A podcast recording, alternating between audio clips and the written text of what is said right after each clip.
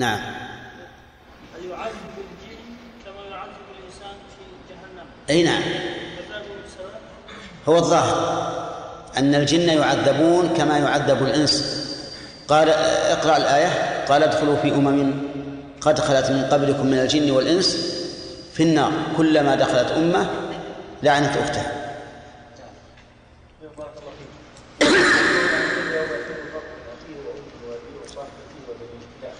نعم فهذه يعني في هذا هذا الموقف العظيم هل يمكن الانسان ان يتنازل بشيء من حسنات امه ما هو أليس ما هو بالظاهر ظاهر لا يمكن. لأن لأن العمل انتهى وقته. ما أعرف. إن ورد فحديث صحيح أخذنا به. نعم. انتهى الوقت.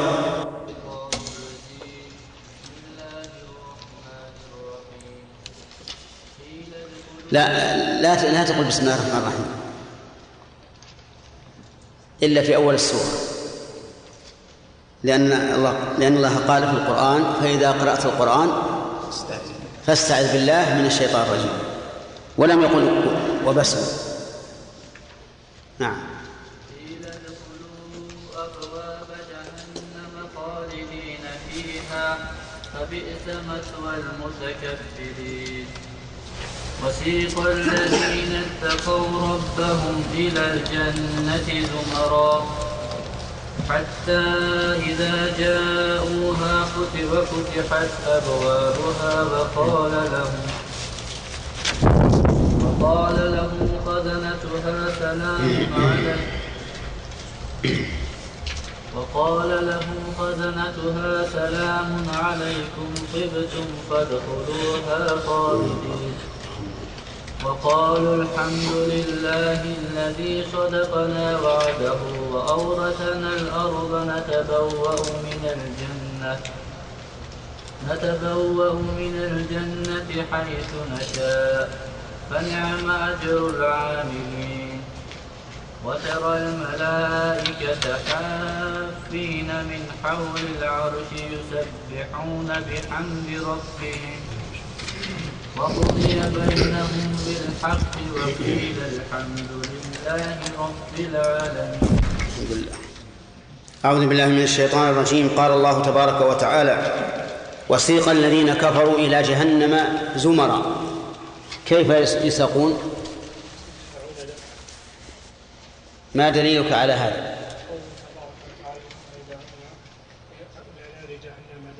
نعم.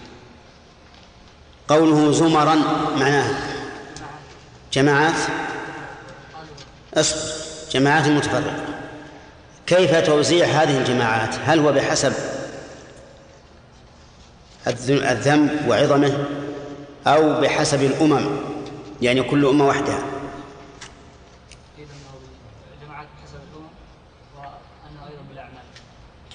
يعني قولين. طيب. أيهما أرجح؟ الدليل.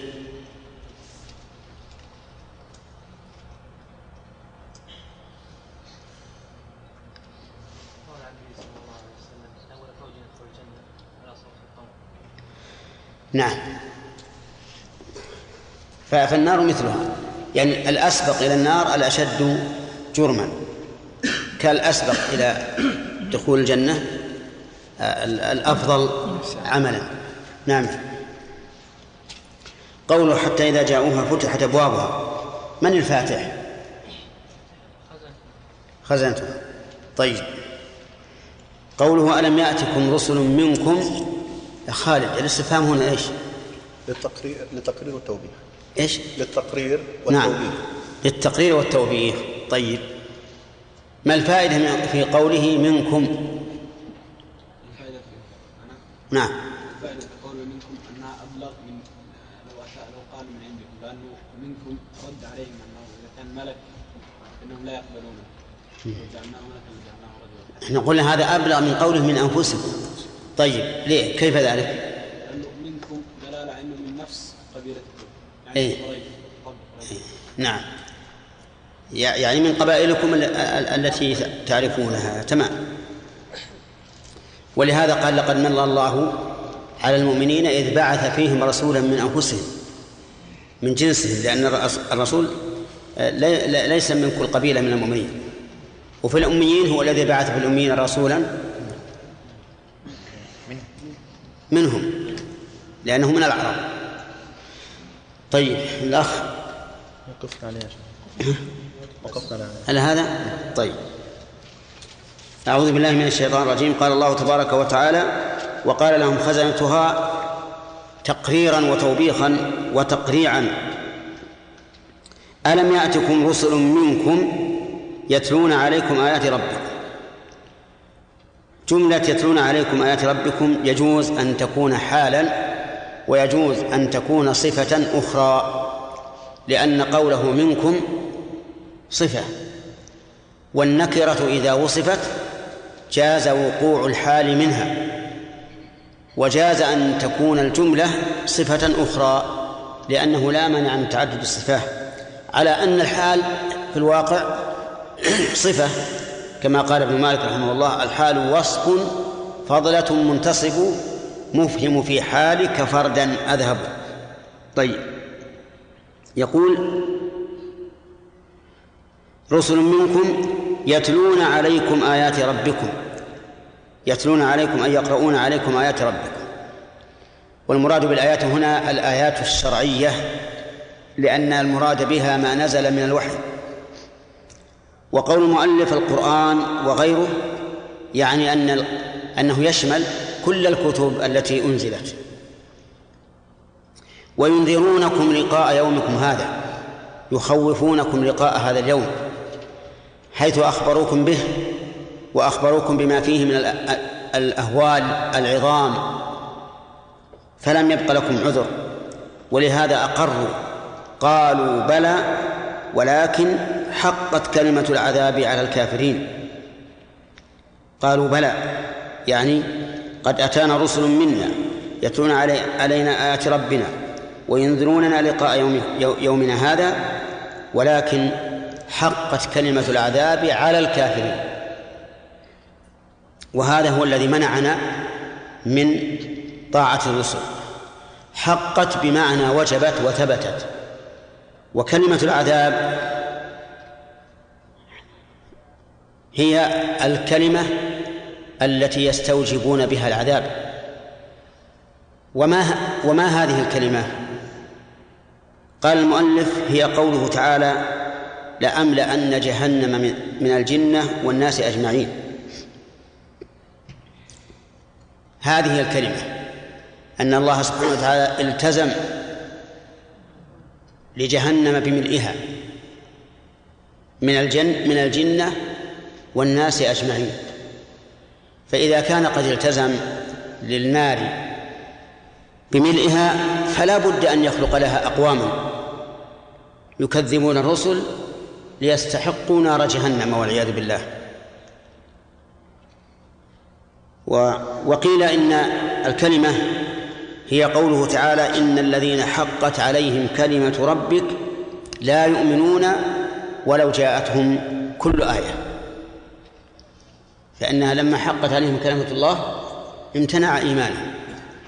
ولكن هنا يقول الإنسان هل هذا من باب الاحتجاج بالقدر أو من باب الاعتراف بالواقع؟ الجواب الثاني لأنه لا يمكن أن يحتج بالقدر في ذلك الموضوع ولكن حقت كلمة العذاب على الكافرين. قيل ادخلوا أبواب جهنم. قيل فعل ماضي مبني لما لم يسمى فاعله. فمن القائل؟ قال بعض العلماء إنه أبهم الفاعل ليفيد أن كل كل الكون يقول لهم هذا. قيل يعني من قبل الملائكة من قبل أهل الجنة من قبل كل من شهد. قيل ادخلوا أبواب جهنم خالدين فيها. ادخلوا فعل أمر للإهانة وليس للإكرام. لأن من قيل له ادخل النار فإنه ليس بمكرم نعوذ بالله ولكنه مهان. قيل ادخلوا أبواب جهنم خالدين فيها. أبواب جهنم سبق لنا أنها بنص القرآن سبعة أبواب خالدين فيها حال من من الواو في قوله ادخلوا يعني حال كونكم خالدين فيها إيش؟ لا ها؟ نعم خالدين فيها مقدرين الخلود يعني معناها أن الحال مقدرة لأن الخلود يأتي بعد الدخول. الخلود يأتي بعد الدخول يدخلون أولا ثم يخلدون ثانيا. فالحال إذا لم تكن مصاحبة تكون حالا مقدرة. والخلود في الأصل المكث الطويل. وقيل المكث الدائم. فعلى القول الأول يكون ذكر التأبيد بعد الخلود تأسيسا. وعلى القول الثاني أن الخلود هو البقاء الدائم يكون ذكر التأبيد بعد الخلود توكيدا. وأيا كان فإن الله تعالى قد صرح في ثلاث آيات من القرآن أن خلود أهل أن خلود أهل النار فيها أبدي. فبئس مثوى المتكبرين. بئس فعل ماض. جامد. لا يتصرف. وهو محتاج إلى فاعل وإلى مخصوص. فما هو فاعله؟ فاعله مثوى. ومخصوصه محذوف. قدره المفسر بقوله جهنم. والمثوى المأوى والمتكبر فسره أعلم الناس به محمد صلى الله عليه وآله وسلم في قوله الكبر بطر الحق وغمط الناس فالمتكبرون هم الذين يردون الحق ويعلون على الخلق هؤلاء هم المتكبرون فبئس مثل المتكبرين ثم قال وسيق الذين اتقوا ربهم. نستفيد من الآية الكريمة. بيان إهانة الكفار عند دخولهم النار. لكونهم يساقون بعنف ويدعون دعا. ومن فوائدها أنهم أنهم يدخلون النار زمرا. والحكمة من ذلك أشارها أشار الله إليها في قوله تعالى في سورة الأعراف قال ادخلوا في أمم قد خلت من قبلكم من الجن والإنس في النار. كلما دخلت أمة لعنت أختها حتى إذا اداركوا فيها جميعا. قالت أخراهم لأولاهم ربنا هؤلاء أضلونا فآتهم عذابا ضعفا من النار. قال لكل ضعف ولكن لا تعلمون. ومن فوائد هذه الآية الكريمة أن أهل النار يفاجؤون بها. فمن حين إتيانهم تفتح ليكون ذلك أشد مباغتة وأشد حرارة والعياذ بالله. فلا يمكنون من الصبر عنها طرفة عين مع أنهم يودون أنها لا تفتح ولكن الأمر على خلاف ما يودون. تفتح فورا. ومن فوائد الآية الكريمة أن للنار أبوابا. لقوله فتحت أبوابها.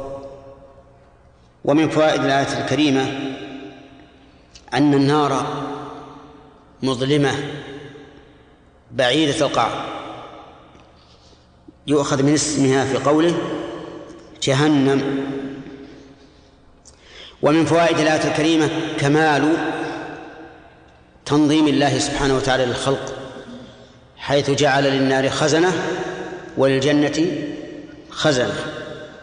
وهنا يقول وقال لهم خزنتها ألم يأتكم؟ ومن فوائد الآية الكريمة أن هؤلاء الخزنة ينطقون كما ينطق كما ينطق البشر بخطاب مفهوم. وهل يستفاد من هذا من هذه الآية أن لغة أهل النار واحدة؟ نعم. ربما يقال ذلك وربما يقال إن لغاتهم مختلفة وأن وأن الملائكة لكثرتهم كل يخاطب القوم بما يفهمون من اللغة. الله أعلم. ومن فوائد الآية الكريمة اجتماع العذاب القلبي والبدني على أهل النار. أما البدن فظاهر وأما القلب فما يحصل لهم من التوبيخ والتقريع. في قوله ألم يأتكم رسل منكم يتلون عليكم وأنتم تعلمون أن من الناس من يحب أن أن يوسع جلده ضربا ولا ولا يوبخ بكلمة واحدة. فالتوبيخ ليس بالأمر الهين لا سيما في مثل هذه الحال. لأنهم إذا ذكروا بهذه النعمة في حال لا يتمكنون من استدراك ما فات كان ذلك أشد حسرة والعياذ بالله.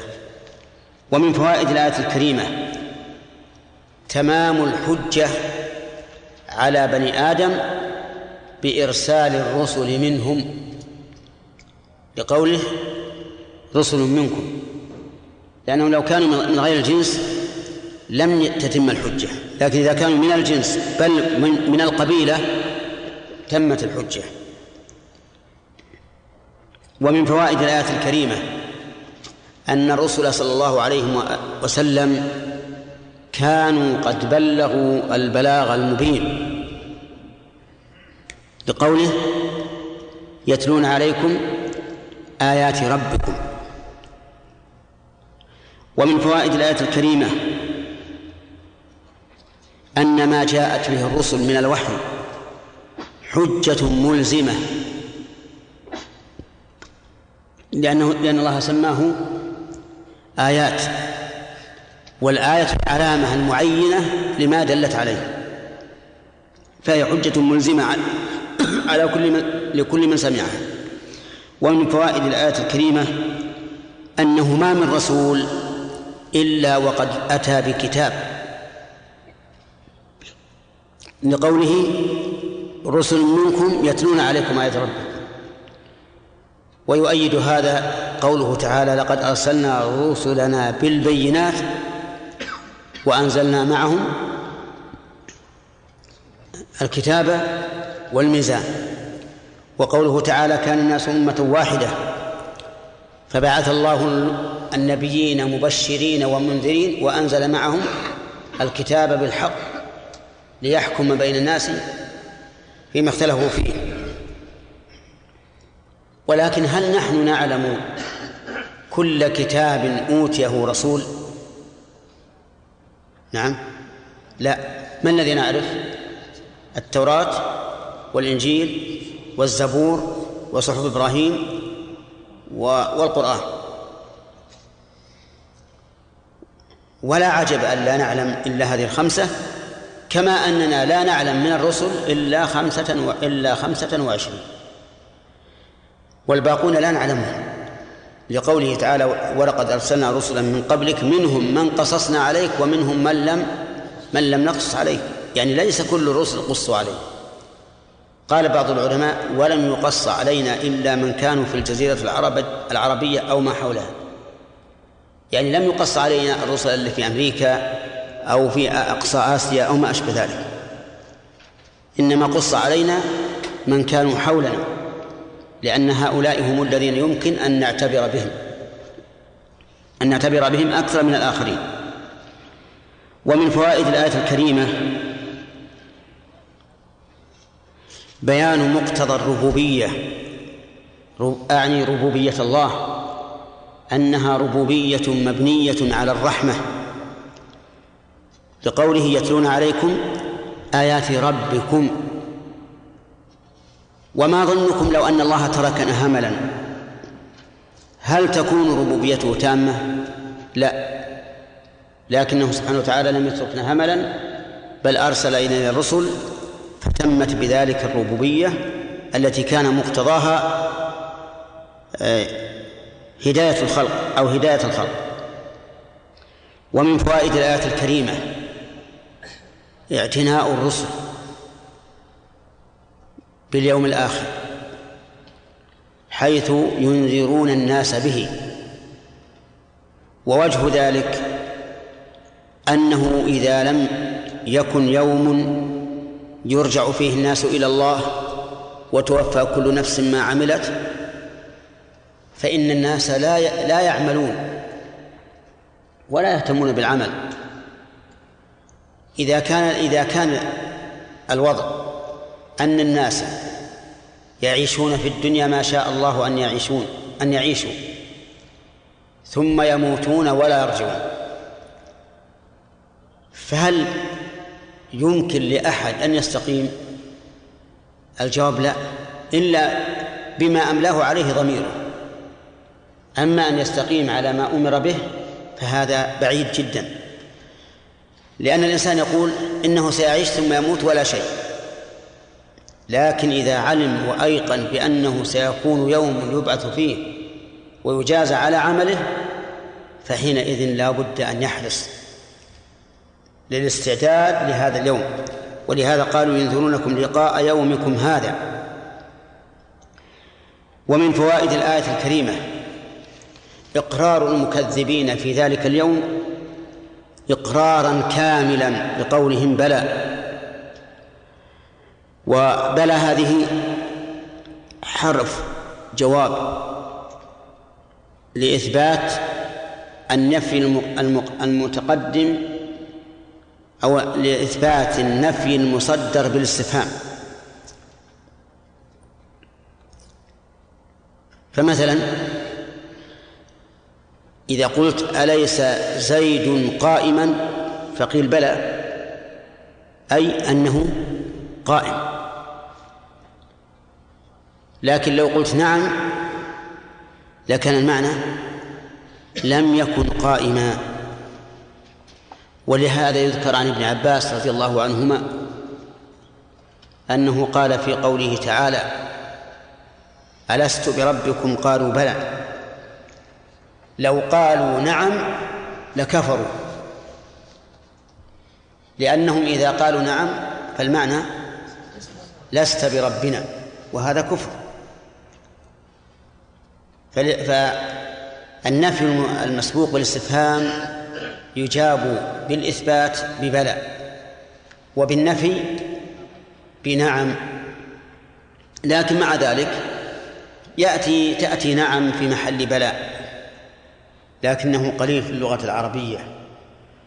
قالوا ومنه قول الشاعر أليس الليل يجمع أم عمرو وإيانا فذاك لنا تداني؟ نعم وترى الهلال كما أراه ويعلوها النهار كما علاني البيتان معروفان؟ يقول أليس الليل يجمع أم عمرو وإيانا فذاك لنا تداني؟ نعم وترى الهلال كما أراه ويعلوها النهار كما علاني المرة الثالثة والرابعة عليكم أليس الليل يجمع أم عمرو وإيانا فذاك لنا تداني؟ نعم وترى الهلال كما أراه ويعلوها النهار كما علاني. نوشان أليس الليل يجمع أم عمرو وإيانا فذاك لنا تداني نعم وترى الهلال كما أراه ويعلوها النهار كما علاني أحسنت.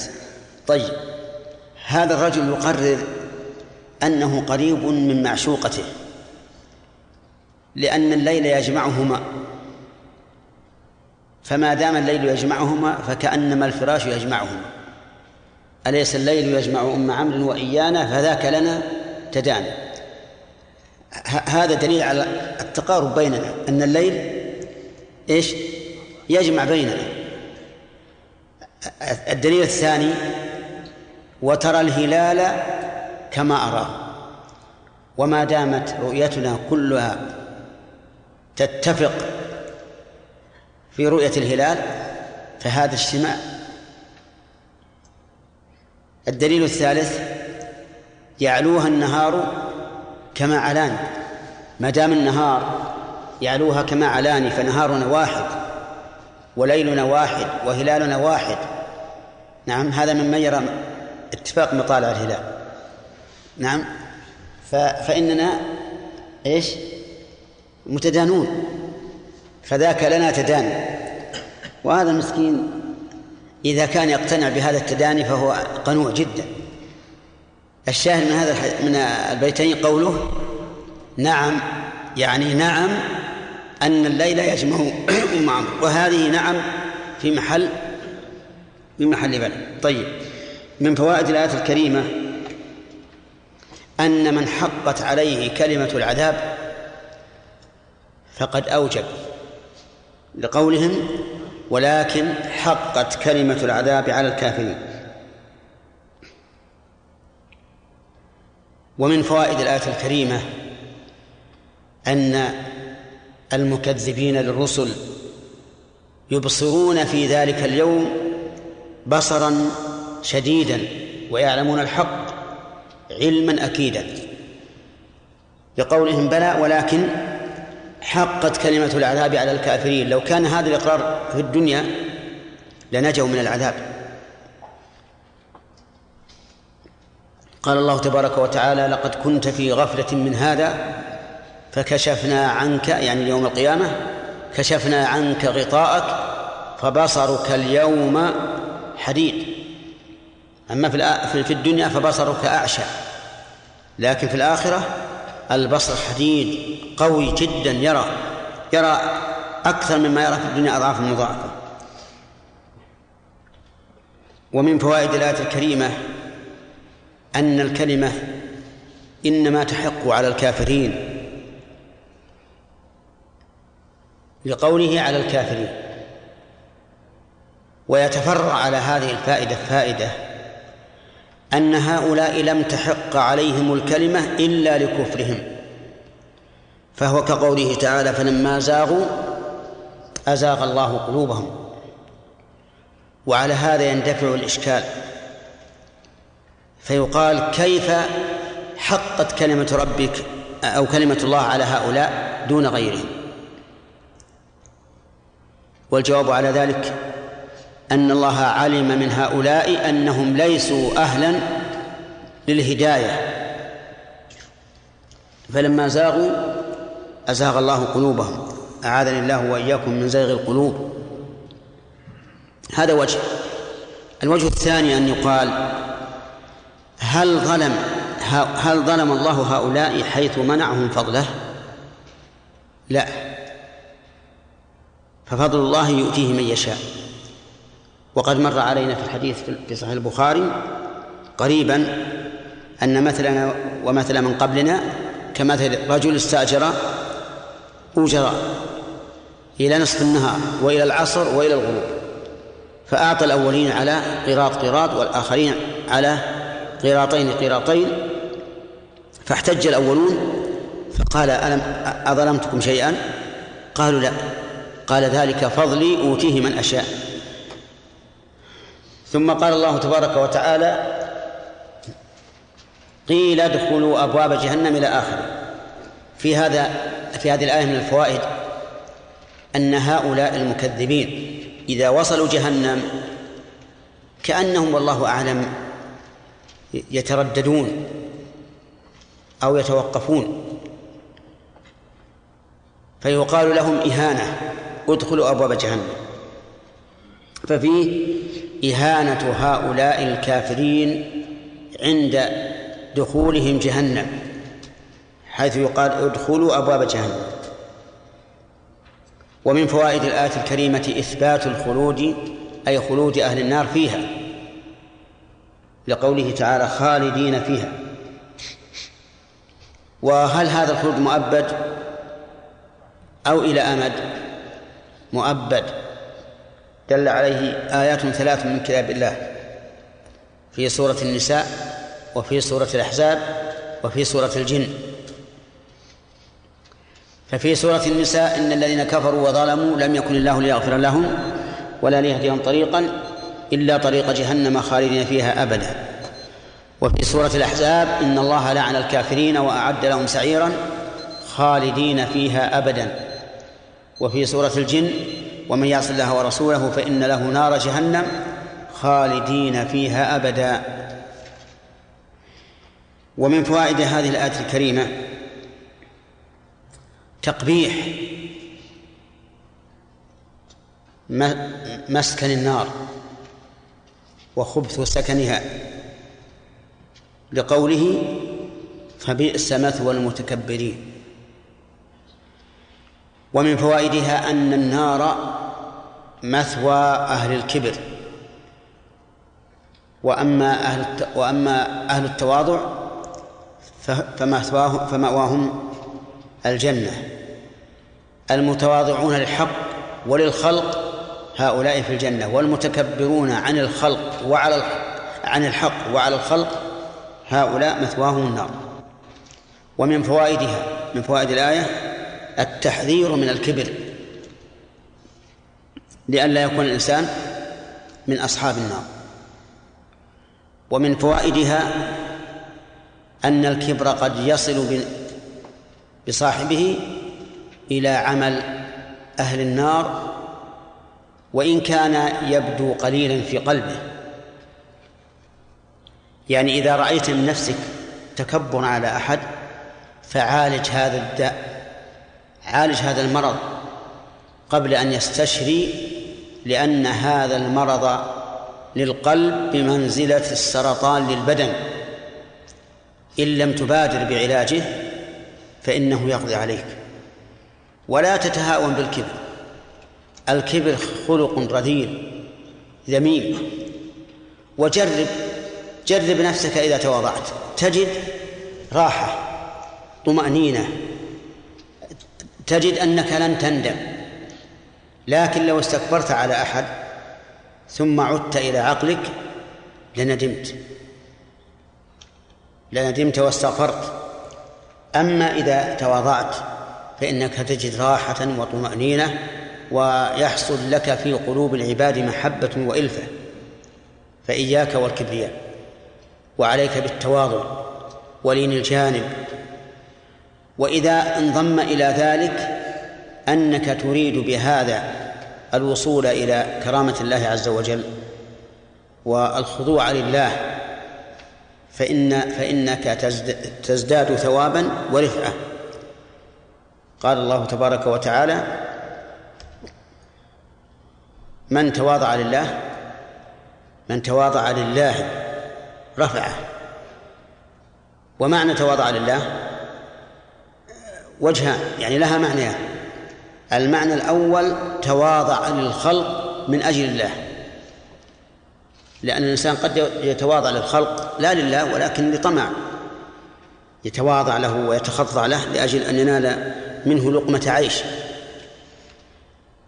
ولكن إذا تواضع لله يعني امتثالا لأمره فإن ذلك هو الذي يكون سببا للرفعة المعنى الثاني من تواضع لله نفسه. والتواضع لله نفسه هو التواضع لدينه بحيث يقبله الإنسان وهو يشعر أنه محتاج إليه ومضطر إليه وأن مقام الدين أعلى منه. ونقف على هذا لأن الوقت انتهى. نعم. قوله تعالى قال لهم خزنتها السلام عليكم. جدا. هنا ما في أحد. نعم. طبتم هل المقصود طبتم هنا طيب المقام في الجنة؟ لم نصل إليه. قرأناه ولم نفسره.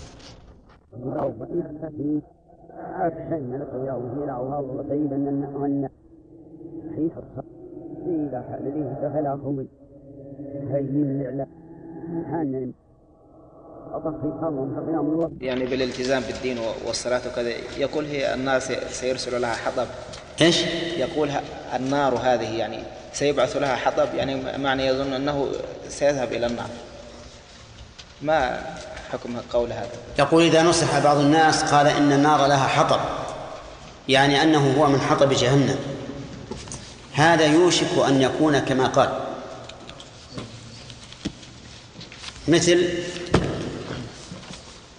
الشيخ الكبير الذي زار عاده النبي صلى الله عليه وسلم وهو مريض فقال له لا بأس طهور إن شاء الله. فقال الرجل طهور؟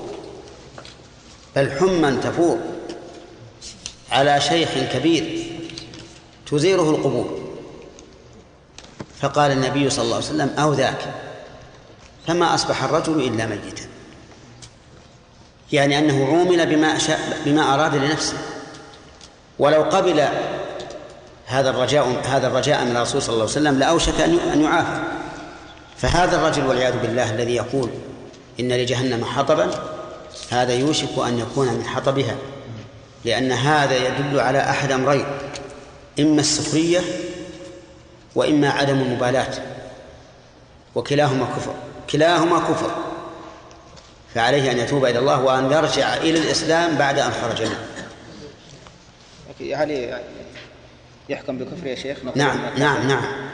يمكن هذا مقصد قصد هذا الرجل يعني حطب جهنم. وأما وأما القاسطون فكانوا لجهنم حطبا يعني يمكن هذا يعني هذا الرجل انه قرأ هذه الآية فقال ان فيها حطب.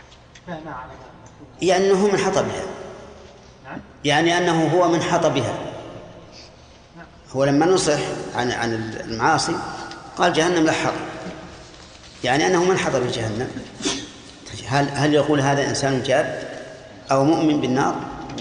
أبدا. نعم.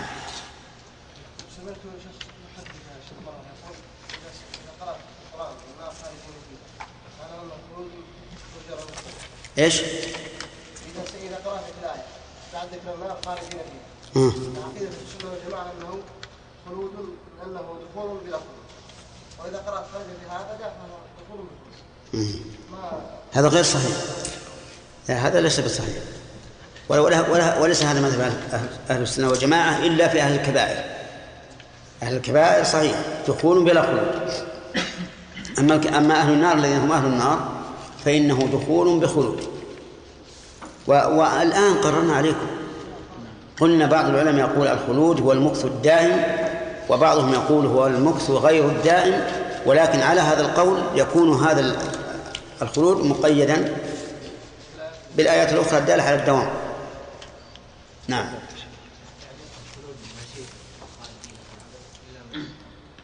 لا. ما قال الله خالد بها أبدا إلا ما شاء رب هذه من كيس ما علق بالمشيئة. هات لي آية من كتاب الله خالدين فيها أبدا إلا ما شاء رب هات هات. خالدين فيها إلا ما شاء رب. يا جماعة أنا أكلم واحد. هات.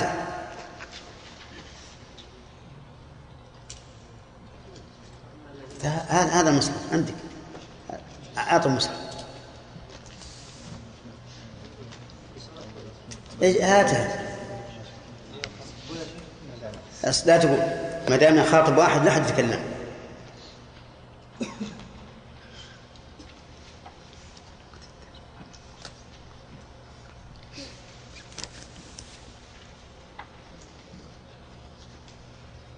كم صفحة؟ كم؟ 233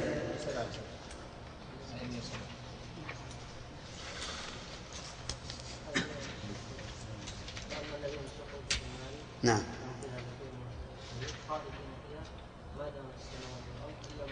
أين لماذا أسقطت ما دامت السماء والأرض؟ أن تقول خالدين فيها إلا ما شاء رب والآية ما دامت السماوات والأرض إلا ما شاء رب وبينهما فرق. لأن إلا ما شاء ربك عائد على دوام السماوات والأرض. يعني إلا ما شاء ربك مما فوق ذلك. لأن دوام السماء والأرض مؤقت. لكن عذاب هؤلاء غير مؤقت ما دامت السماوات والأرض إلا ما شاء ربك مما فوق ذلك. إلى ما لا نهاية له. عرفت؟ خالدين فيها ما دامت السماوات والأرض. يعني معناه خالدين فيها مدة دوام السماء والأرض. ولا لا؟ مو بهذا المعنى؟ مدة دوام السماء والأرض. طيب إلا ما شاء ربك يعني إلا الذي زاد على مدة دوام السماء والأرض وهو ما شاء الله. عرفت؟ هذا إذا جعلنا الاستثناء متصلا. أما إن جعلناه منقطعا وصار المعنى خالدين فيها ما دامت السماء والأرض لكن ما شاء الله فلا حد له فأيضا واضح المعنى؟ فأنت أسقطت ما دامت السماوات والأرض فتلوت الآية على وجهين الوجه الأول خالدين فيها أبدا إلا ما شاء الله ولما عرفت أن هذا لا يمكنك عدلت حذفت أبدا وقلت خالدين فيها إلا ما شاء الله. نعم. وأما ما دامت السماوات والأرض فليست في ذهنك. إذن ماذا نقول؟ لا بد أن نتلو الآية على ما هي عليه. خالدين فيها إلا ما شاء الله. ما دامت السماوات والأرض إلا ما شاء ربك إن ربك فعال لما يريد. فهمت؟ أي طيب. وكل إنسان ينسى كل إنسان ينسى. ولكن ولا مانع. أنا أنا ما قلت هكذا إلا لأجل إن أنه يعني نعطيه مهلة من المداعبة. وإلا كل الناس نعم. رحمة الله.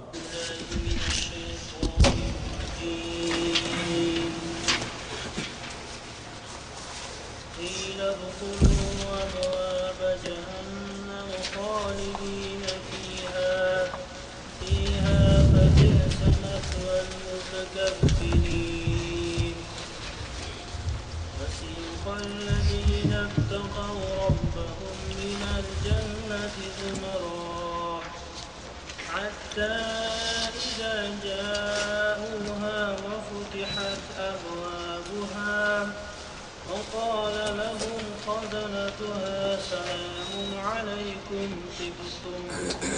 طبتم فادخلوها خالدين.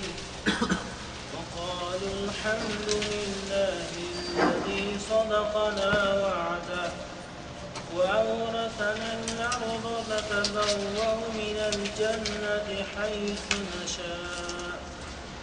حيث نشاء فنعم فنعم أجر, العاملين. كفاية. أعوذ بالله من الشيطان الرجيم.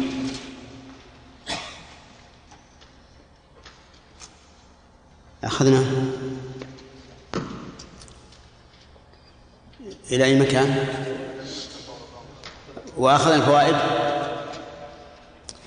قال الله تبارك وتعالى وسيق الذين اتقوا ربهم إلى الجنة زمرا. نقول في سيق ما قلنا في ما سبق أنها فعل ماض مبني للمجهول أو مبني لما لم يسمى فاعله.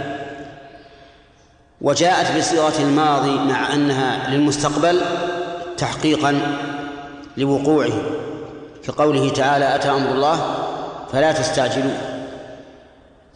فالماضي يأتي بصورة المضارع أحيانا حكاية للحال.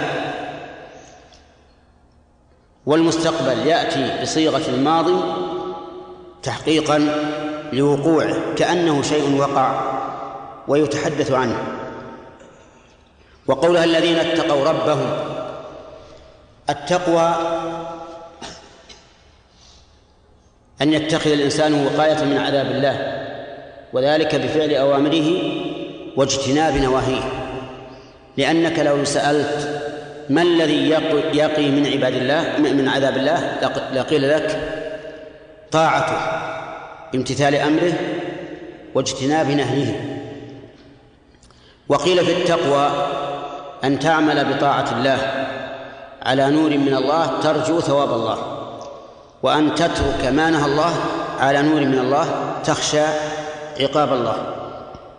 وقيل في التقوى خل الذنوب صغيرها وكبيرها ذات ذاك التقى واعمل كماش فوق أرض الشوك يحذر ما يرى لا تحقرن صغيرة إن الجبال من الحصى. ولكن ما ذكرناه أولا هو الجامع المانع.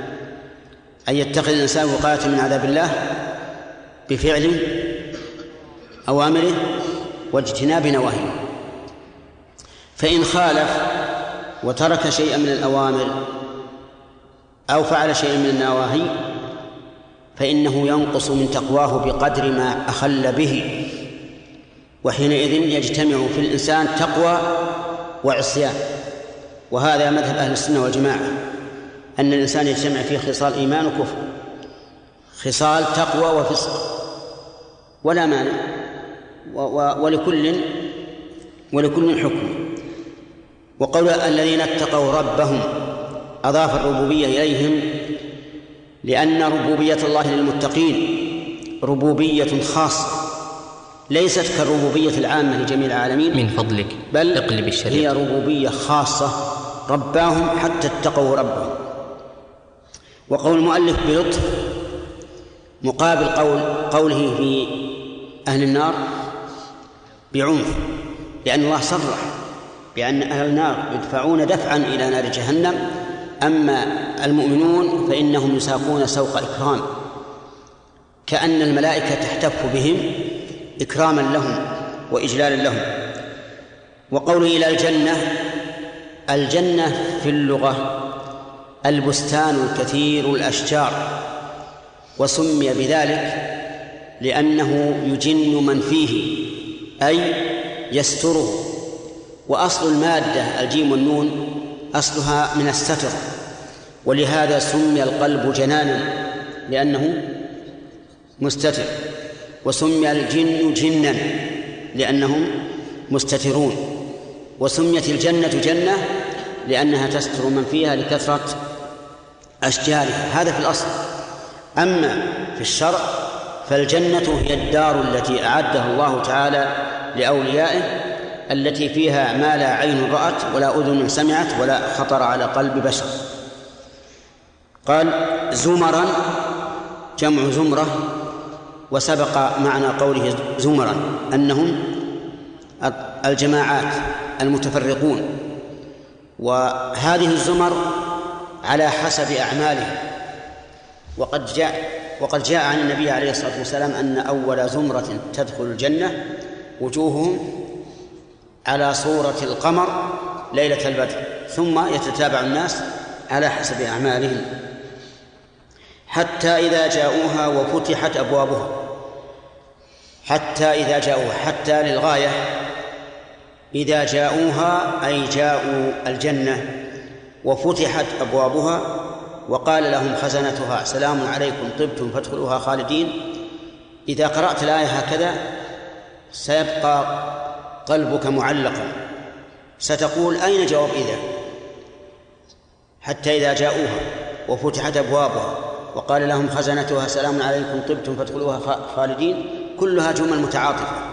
فأين جواب إذا؟ اختلف المعربون في ذلك.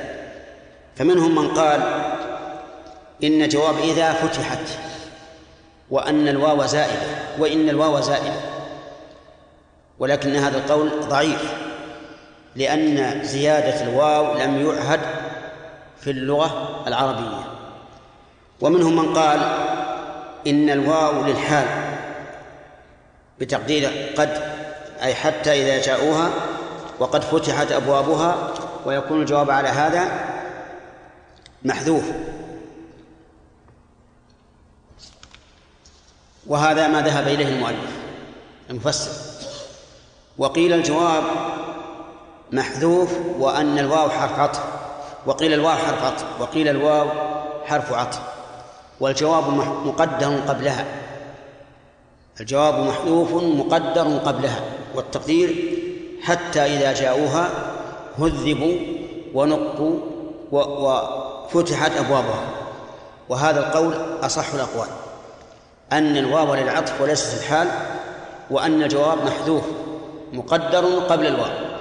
التقدير حتى إذا جاءوها هذبوا ونقوا وفتحت أبوابها. وهذا القول هو الراجح لدلالة الأحاديث عليه. فإنه قد ورد في الأحاديث الصحيحة أنهم إذا عبروا الجسر الصراط الممدود على جهنم وقفوا على قنطرة بين الجنة والنار فيقتص لبعضهم من بعض حتى إذا هذبوا ونقوا أذن لهم في دخول الجنة. ثم إنهم أيضا إذا وصلوا الجنة لا يجدون أبوابها مفتوحة بل يجدونها مغلقة حتى يشفع النبي صلى الله عليه وآله وسلم فيفتح الله أبوابها هذا القول هو الراجح المتعين لدلالة السنة عليه. وقوله أبوابها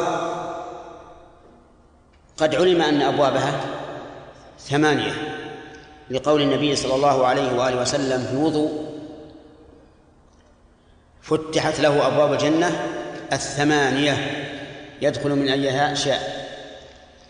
وقال لهم والعجب أن بعض النحويين قال إن الواو هنا واو الثمانية. الواو هنا واو الثمانية. فأحدث للواو معنى جديدا. و واستدل لقوله بأمر عجيب. قالوا إن الله قال في القرآن ويقولون سبعة وثامنهم كلبهم فالواو للثمانية. فيقال سبحان الله من أين جاءك؟ الفائدة في قول سبعة وثامنهم كلبهم تقرير ما ذكر لأنهم لأن الله قال سيقولون ثلاثة رابعهم كلبهم ويقول خمسة سادسهم كلبهم ويقول سبعة وثامنهم كلبهم. قال العلماء إنه قال وثامنهم كلبهم تقريرا لهذا القول.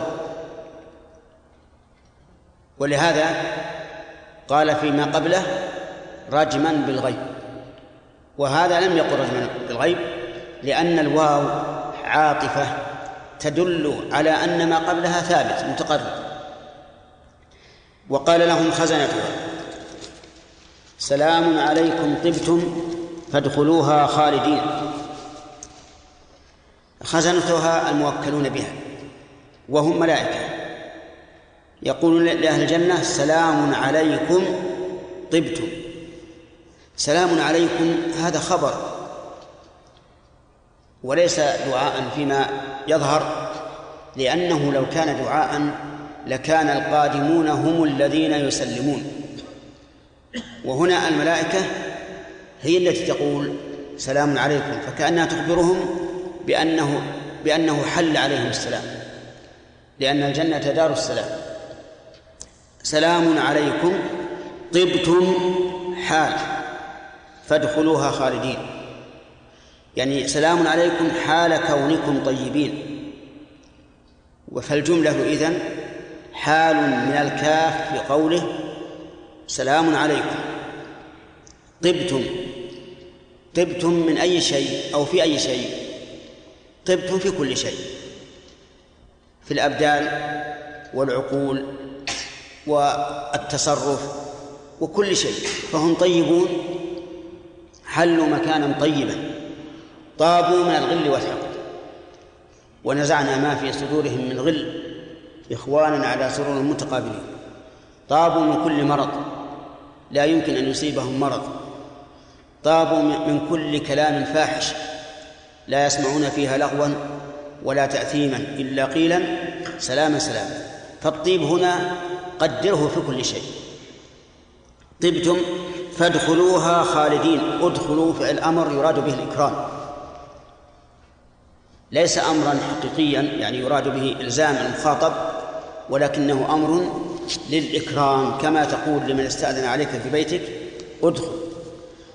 قال فادخلوها خالدين. حال من الواو في ادخلوها أي حال كونكم خالدين. والحال هنا مقدرة ولا مقارنة مقدرة لأن الخلود بعد الدخول قال. مقدرين مقدرين الخلود الخلود فيها وجواب إذا مقدر أي دخولها وسوقهم وفتح الأبواب قبل مجيئهم تكريمة لهم وسوق الكفار وفتح أبواب جهنم عند مجيئهم ليبقى حرها إيش؟ ليبقى سنة؟ ليبقى حرها إليهم إهانة لهم. وقالوا عطف على ادخلوها على دخلوها المقدر. طيب وجواب إذا مقدر. إيش بعد عندك؟ وش بعد قوله وجواب إذا مقدر في الأول؟ أي دخولها أو أي دخلوها؟ لا أي دخولها غلط أي دخلوها هذا الصواب. أنا عندي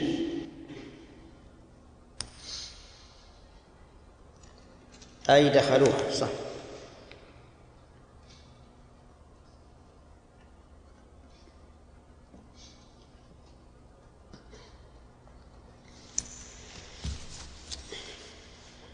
أي دخلوها.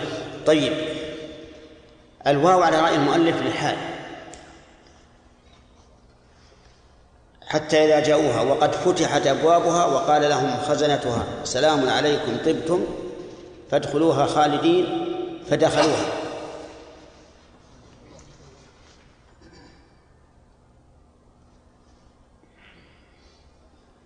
تجد أن الكلام على هذا الوجه فيه ركاكة حتى إذا جاءوها وفتحت أبوابها يعني وقد فتحت أبوابها وقال لهم خزنتها سلام عليكم. طبتم فادخلوها خالدين. أي دخل أي دخلوها. لا يستقيم. لكن ما ذكرنا أنه الراجح. هو المطابق تماما لما جاءت به السنة والسنة تفسر القرآن. وقول المؤلف وسوقهم وفتح الأبواب قبل مجيئهم تكرمة لهم. سوقهم المستفاد من قوله وسيق. وفتح الأبواب قبل مجيئهم لأنه يقول الواو للحال وقد فتحت أبوابها تكريمة لهم.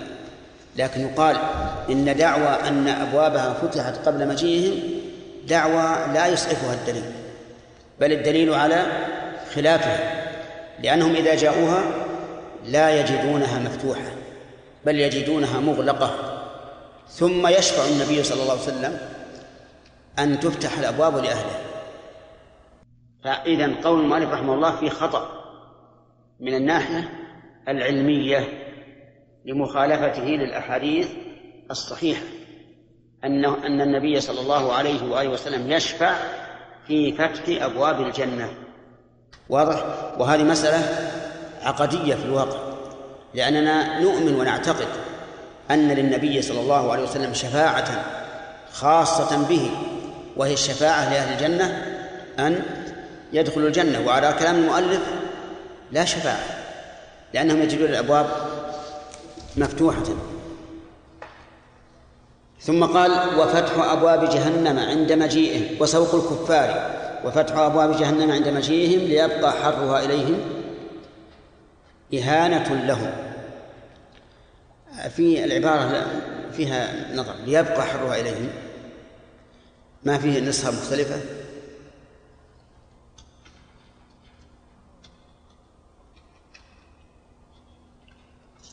أقول نسخكم كل هذا متفقة؟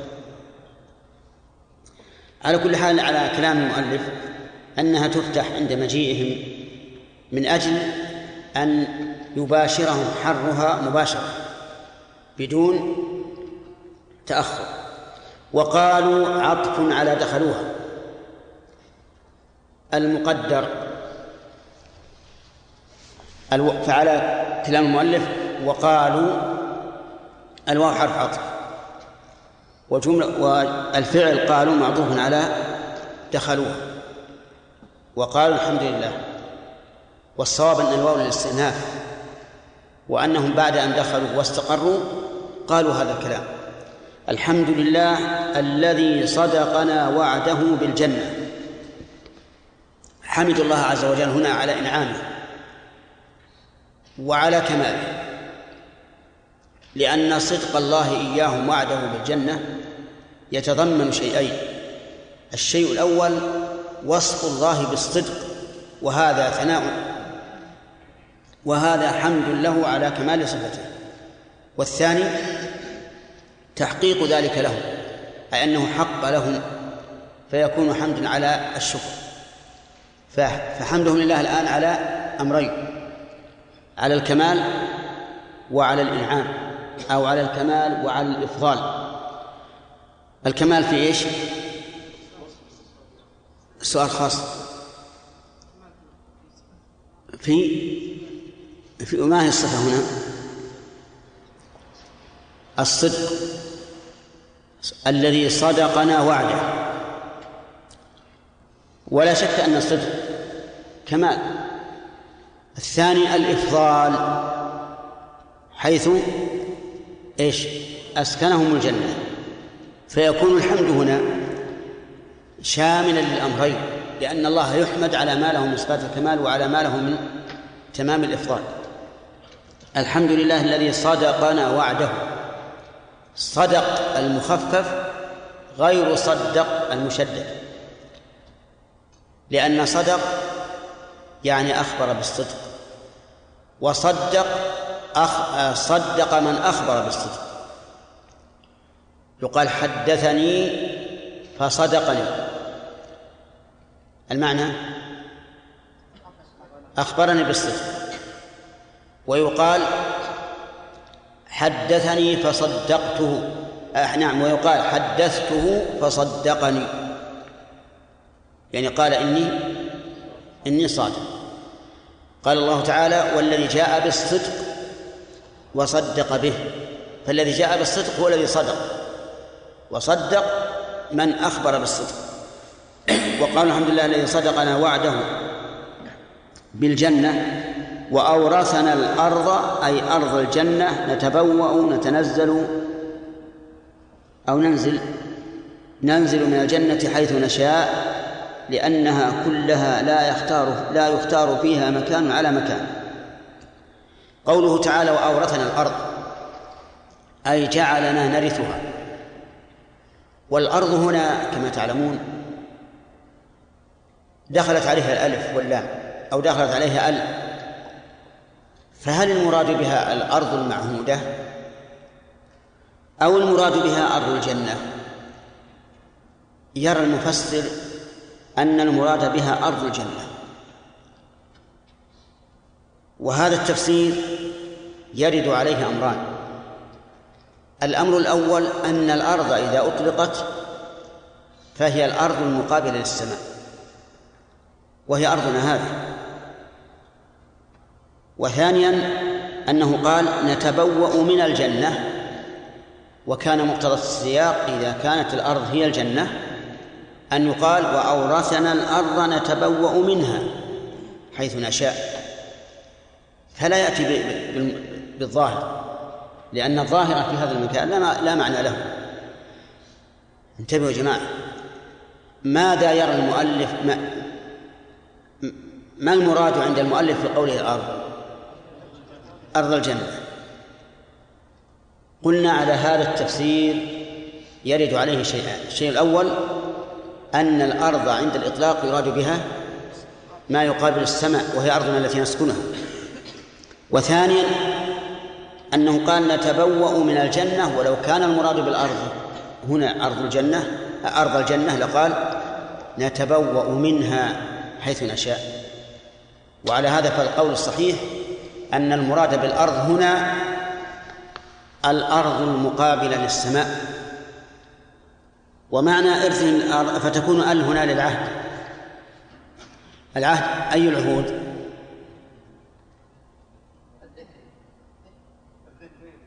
الذكر. ها؟ ما ذكر؟ طيب. إذن العهد الذهن لا الحضور ولا الذكر. طيب. نتبوأ منها أي من الجنة. فإذا قال قائل كيف أورثهم الأرض؟ نقول إن الله تعالى قال في كتابه ولقد كتبنا في الزبور من بعد الذكر أن الأرض يرثها عبادي الصالحون. فتوريث الله الأرض للمؤمنين في الدنيا أنهم يقاتلون الكفار ويستولون على أراضيهم. هذه واحدة. ثانيا أن وجودهم على الأرض وسكناهم فيها وعمرانهم إياها كالميراث بالنسبة للكفار. وذلك لأن الكفار لا يتمتعون بنعمة في الدنيا إلا كانت عليهم نقمة. اللقمة إذا رفع الكافر إلى فمه هل يعاقب عليها؟ يعاقب عليها. نعم يعاقب عليها. لأن الله تعالى قال ليس على الذين آمنوا وعملوا الصالحات جناح فيما طعموا. مفهومه من لم يكن كذلك؟ فعليه جناح طعم ويقول عز وجل في اللباس قل من حرم زينة الله التي أخرج العباد والطيبات من الرزق قل هي للذين آمنوا في الحياة الدنيا للذين آمنوا في الحياة الدنيا. خالصة يوم القيامة. الكفار ليست لهم في الدنيا بل ولا خالصة لهم يوم القيامة. هم يكتسون بغير حق. لأنهم يكتسون يتنعمون بنعمة الله ويكفرون الله. على كل حال نقول إيراث الأرض في الدنيا ما يستولي عليه المسلمون من أراضي عجيب من أراضي الكفار. وإيراث آخر أن وجودهم في, في على الأرض بحق ووجود الكفار بغير حق. لكن الله أبقاهم بحكمة. قال وأورثنا الأرض نتبوأ من الجنة حيث نشاء وقوله نتبوأ من الجنة حيث نشاء أي نسكن حيث نشاء. وهل هذا على ظاهره؟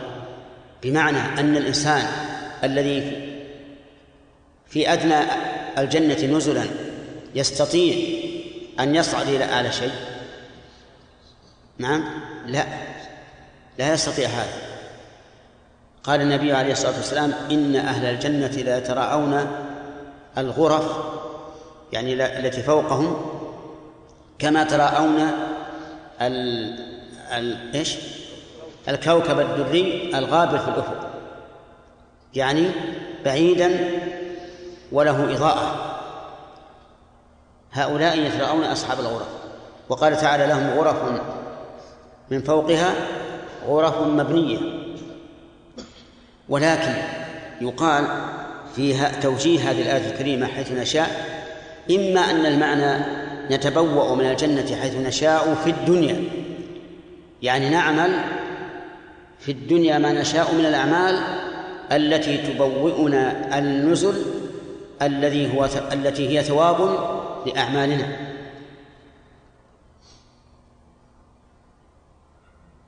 فاهمين سيد؟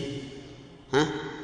طيب في الدنيا الإنسان ممكن أن يكون مع الأبرار الأخيار وممكن أن يكون مع المقتصدين ومن ويمكن أن يكون من الظالمين أنفسهم ثم أورثنا الكتاب الذين اصطفينا من عبادنا فمنهم ظالم نفسه ومنهم مقتصد ومنهم سابق بالخيرات فالإنسان في الدنيا يمكن يتبوأ من الجنة حيث يشاء بأعماله الصالحة المختلفة ظالم لنفسه مقتصد سابق بالخيرات. هذا واحد. الوجه الثاني أن نقول حيث نشاء أن كل واحد من أهل الجنة لا يشاء سوى الذي هو فيه.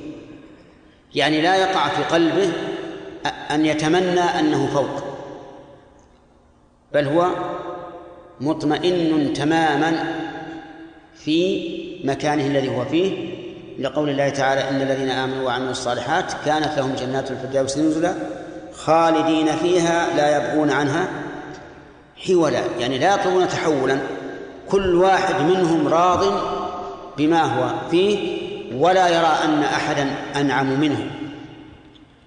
حتى لو رآه حسا لم يره قلبا لأنه لو رأى أن أحدا من من الناس أعلى منه لكان في قلبه شيء من الحسرة واللوعة وهذا منتف في الجنة.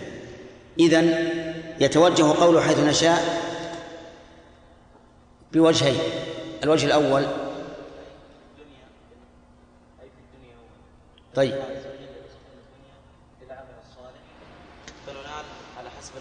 درجات في الجنة مم. والوجه الثاني أن ندخل الجنة ولا نبغي عنها حيوان. اتضح الجواب؟ ولا جواب أعرج؟ أعرج الرجل أعرج الرجل مكسور الجناح. نعم؟ انتبه. إما أن المعنى حيث نشاء في الدنيا بمعنى أن الإنسان في الدنيا له أن يعمل العمل الذي يؤهله إلى أعلى الدرجات أو العمل الذي يجعله في الوسط أو العمل الذي يجعله في الأدنى. أليس كذلك؟ طيب. الثاني حيث نشاء في الجنة يعني أننا في الجنة لا نشاء سوى ما نحن فيه. لا نشاء سوى ما نحن فيه. بمعنى أن كل واحد منا يقتنع بمكانه الذي سكنه ولا يريد غيره. ودليل هذا قوله تعالى لا يبغون عنها حولا. استمع إلى كلام المفسر يقول لأنها كلها لا يختار فيها مكان على مكان. جنح المؤلف إلى أي الاحتمالين؟ إلى الاحتمال الثاني أن كل ما إنسان في مكانه لا يختار مكان غيره. يقول فنعم أجر العاملين الجنة. حركوا الجنة. فنعم أجر العاملين. الجنة بالضم ولا بالكسر ولا بالفتح؟ بالضم. على أنها لا ما هي فاعل. على أنها المخصوص الفاعل أجر. ونعم أجر وبئس كما أسلفنا لكم يحتاجان إلى إلى شيئين فاعل ومخصوص. الفاعل واضح والمخصوص دائما يكون محذوف في الغالب. فنعم أجر العاملين نعم فعل جامد لإنشاء المدح وأجر بمعنى ثواب. الأجر هنا بمعنى الثواب. ولكن الله تعالى سماه أجرا تفضلا منه ومنه كأننا استحققنا ذلك وجوبا كما يستحق العامل أجرته وجوبا. فإن قال قائل وهل يجب على الله أن يثيبنا؟ الجواب يجب بوعده. يجب بوعده فإنه وعد أن يثيبنا. وما وعد فإنه لا يمكن. إخلافه إذن فالوجوب هنا ليس منا على الله بل من الله على نفسه. كتب ربكم على نفسه الرحمة أنه من عمل منكم سوءا بجهالة ثم تاب من بعد وأصلح فأنه غفور رحيم.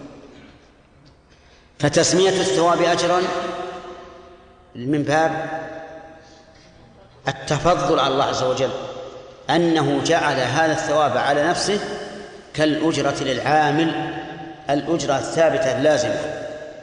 فكذلك ثواب المحسن أجر ثابت واجب على الله بإيجابه هو سبحانه وتعالى على نفسه تفضلا منه وإحسانا وفي مثل هذا يقول ابن القيم رحمه الله ما للعباد عليه حق واجب.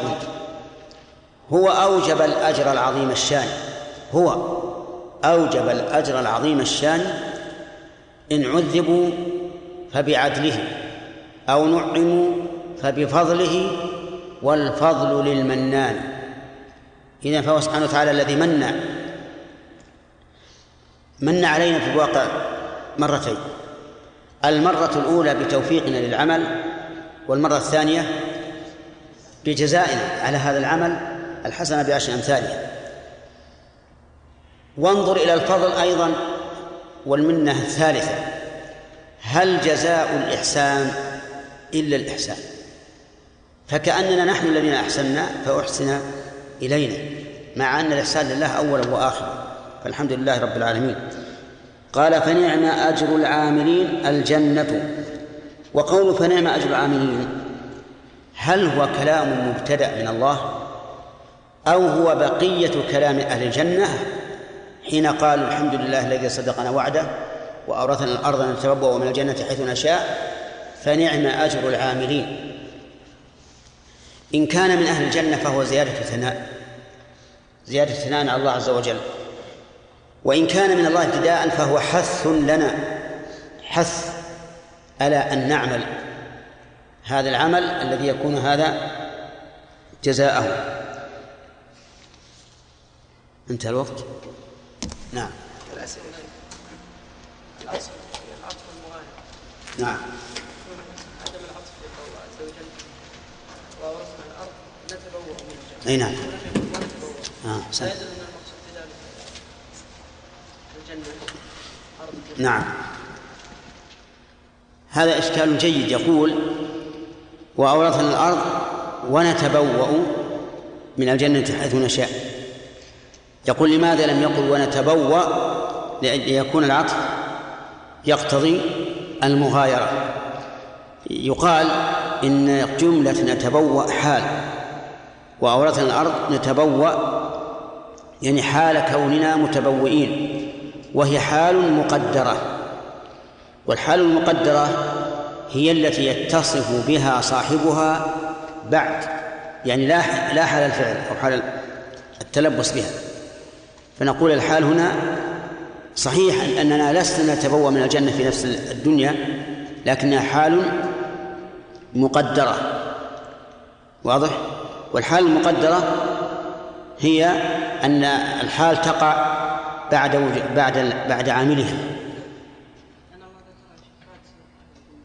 أي نعم.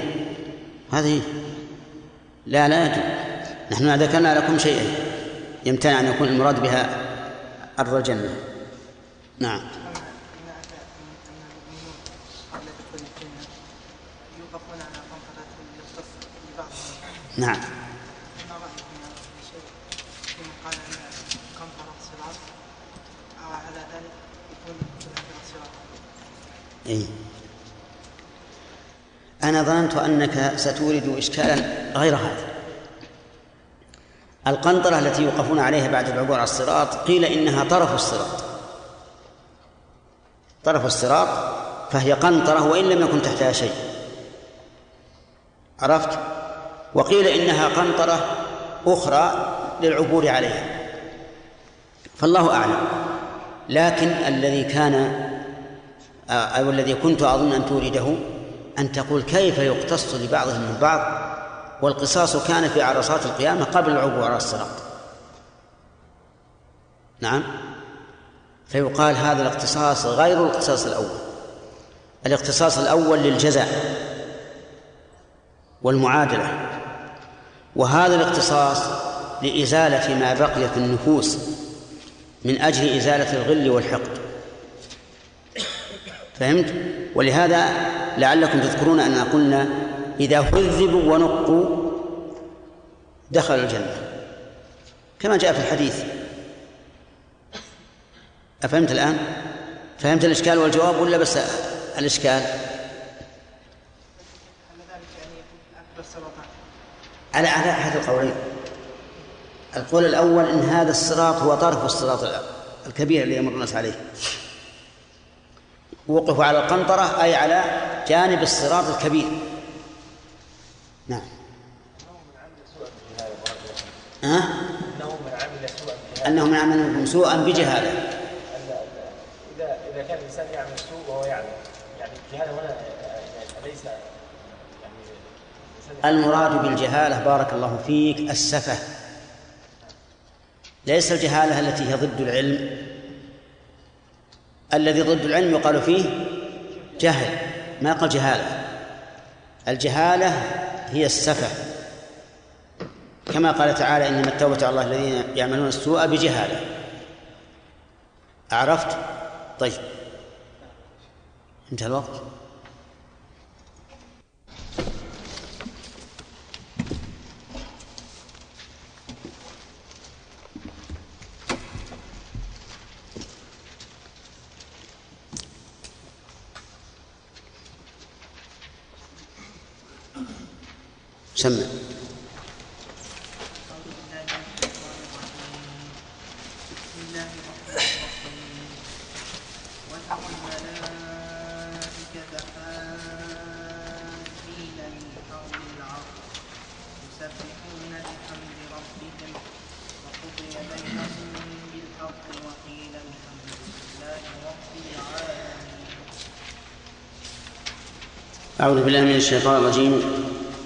قال الله تبارك وتعالى وسيق الذين اتقوا ربهم إلى الجنة زمرا. ما محل الذين اتقوا ربهم من الإعراب؟ نعم. نائب فاعل. نائب فاعل. ما الفرق بين سياق هؤلاء وسياق؟ سياق أهل النار بعنف أما سياق أهل الجنة الذين اتقوا ربهم فبلطف سياق إكرام؟ إهانة نعم. طيب قوله وفتحت أبوابها آه، وفي في النار قال حتى إذا جاءوها فتحت أبوابها فما هو الفرق؟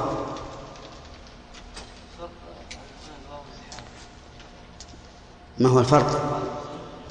لا لا ما هو الفرق؟ لماذا قال واء وفتحت وهناك قال فتحت أبوابها؟ نعم. يعني تفتح من حين مجيئه. لا تعرف. نعم. من حين مجيئه. مباشرة. وأما هذا؟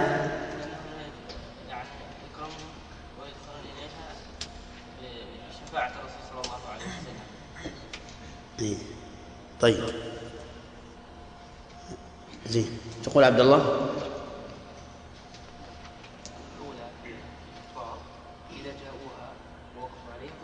نعم نعم.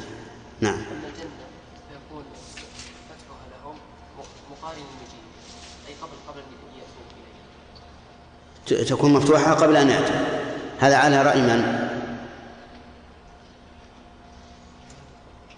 لا يا شيخ يقول فتحها إليهم مقارن المجيء إيه، طيب ها. أما في النار فيكون فتح فتحها بعد المجيء طيب على رأي من أنه مقارن المجيء فتح أبواب الجنة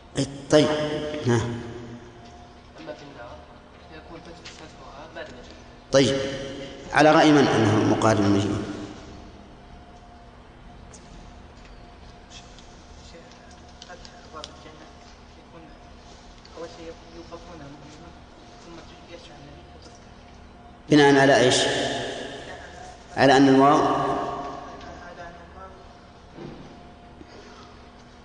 ليست زائدة ولا حال لا وش؟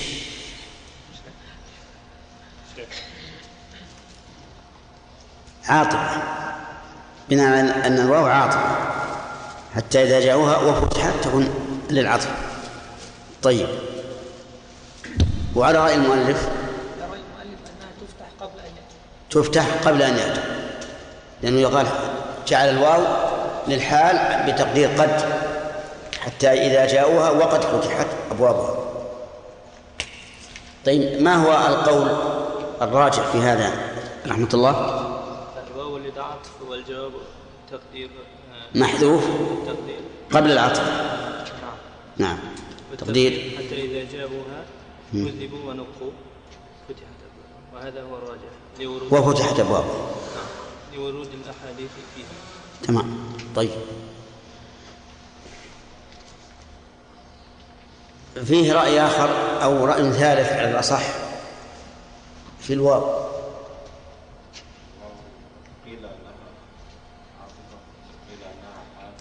للحال. وقيل إنها زائدة. طيب. وما رأيك في هذا القول؟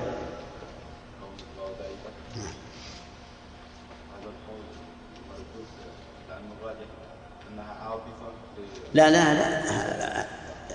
هل ترى هذا مقبولا أو لا؟ إي نعم.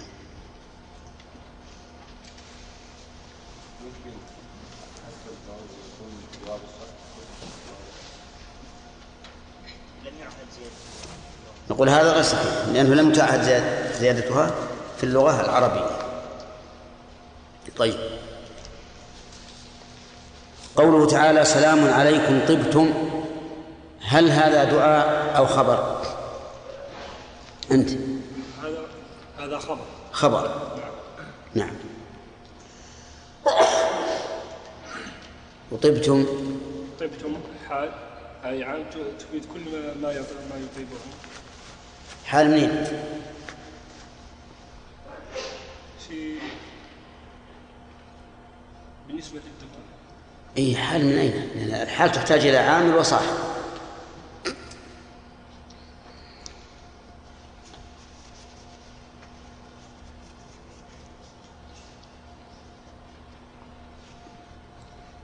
ما في إيه لا, لا المعنى العموم لكن حال من أي من حيث الإعراب نعم محمد. من الكاف في قوله؟ عليك.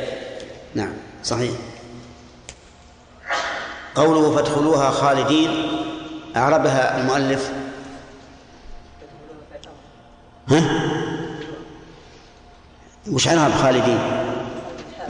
منين؟ من الواو في قوله ادخلوها طيب هذه الحال مقارنة ولا مقدرة؟ مقدرة. طيب. قوله تعالى صدقنا وعده. معناه أي نعم. يعني بالصدق. ها؟ صدقنا وعده ووفانا ما وعد وفى ما وعد فكان وعده صدقا لنا. طيب. أورثنا الأرض. محمد.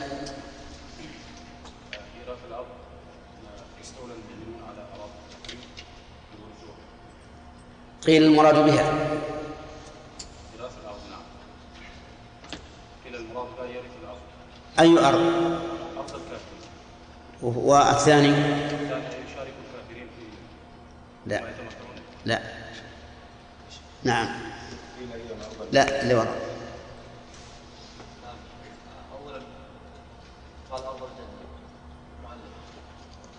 قيل المراد بالأرض أرض الجنة وقيل والثاني انها الأرض المحموده كيف أورثهم إياها؟ نعم لأن جعلها خالصه خالصه لهم من دون من دون الكفار أو ورثوا ارض الكفار بماذا؟ بل علوا عليهم في الدنيا جعلهم عليهم عليهم في الدنيا وبل العرب نعم. قلنا أن ميراث الأرض من وجهين الأول مقاتلة الكفار وسكن أراضيهم والثاني أنهم وارثوها بحق بخلاف الكفار مم. لأنهم سكنوا الأرض بالباطل طيب. صار أرض الدنيا. أيهما أرجح الراجح هو أن أن الأرض هي أرض الدنيا بماذا ترجح بأمرين. أولاهما أن إذا أطلق الأرض يقصد بها الأرض المقابلة للسماء. الأمر الثاني هو ذكر الله عز وجل الجنة بعد الأرض. ولو كانت الجنة ما صحت ذكرها. آه، كيف ذكر بعد؟ يعني ورثنا الأرض نتبوأ من الجنة. لو كانت أرض أرض الجنة ما يقال أرض الجنة نتبوأ؟ يعني كأن فيها الجواب من مم. الأول أن الأرض إذا أطلقت أريد به الأرض التي مقابلة السماء. وثانيا لو كانت الجنة هنا أو الأرض المراد هنا أرض الجنة لما قال الله عز وجل من الجنة. نتبوأ من الجنة. لقال منها. نتبوأ منها حيث نشاء. طيب.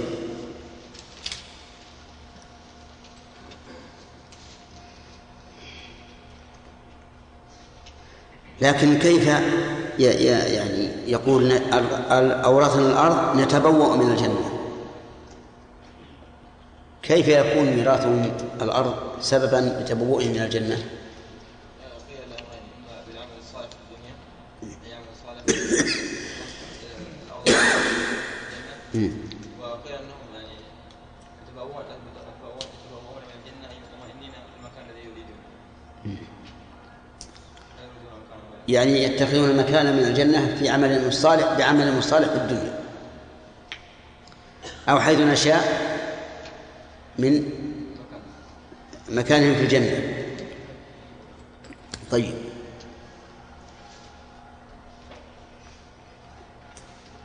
قوله تعالى فنعم أجر العاملين. الأخ. اسمك نور الدين؟ ناصر. يلا يا ناصر. قول فنعم أجر العاملين ه- هل هذا من كلام أهل الجنة أو من كلام الله؟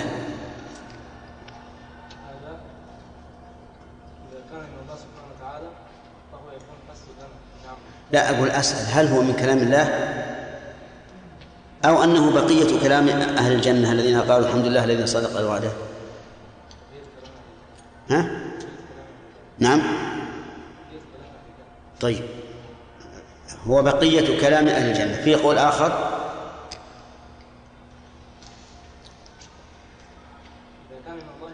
ما هو إذا كان أسألك هل في قول آخر أو لا؟ نعم. أبو الحسن. القول الثاني إنه ابتداء من الله عز وجل. يكون فيه حث لنا على العمل والاجتهاد الطاعة. إيه. طيب. وأما إذا كان من من قول أهل الجنة فهو من تتمة كلامهم وهو من باب التحدث بنعم الله. ثم قال الله عز وجل وهو ابتداء درس اليوم وترى الملائكة ما أخذناه فوائد؟ من أين؟ سبحان الله. قال الله تعالى وسيق الذين اتقوا ربهم إلى الجنة زمرا إلى آخره. من فوائد هذه هذه الآية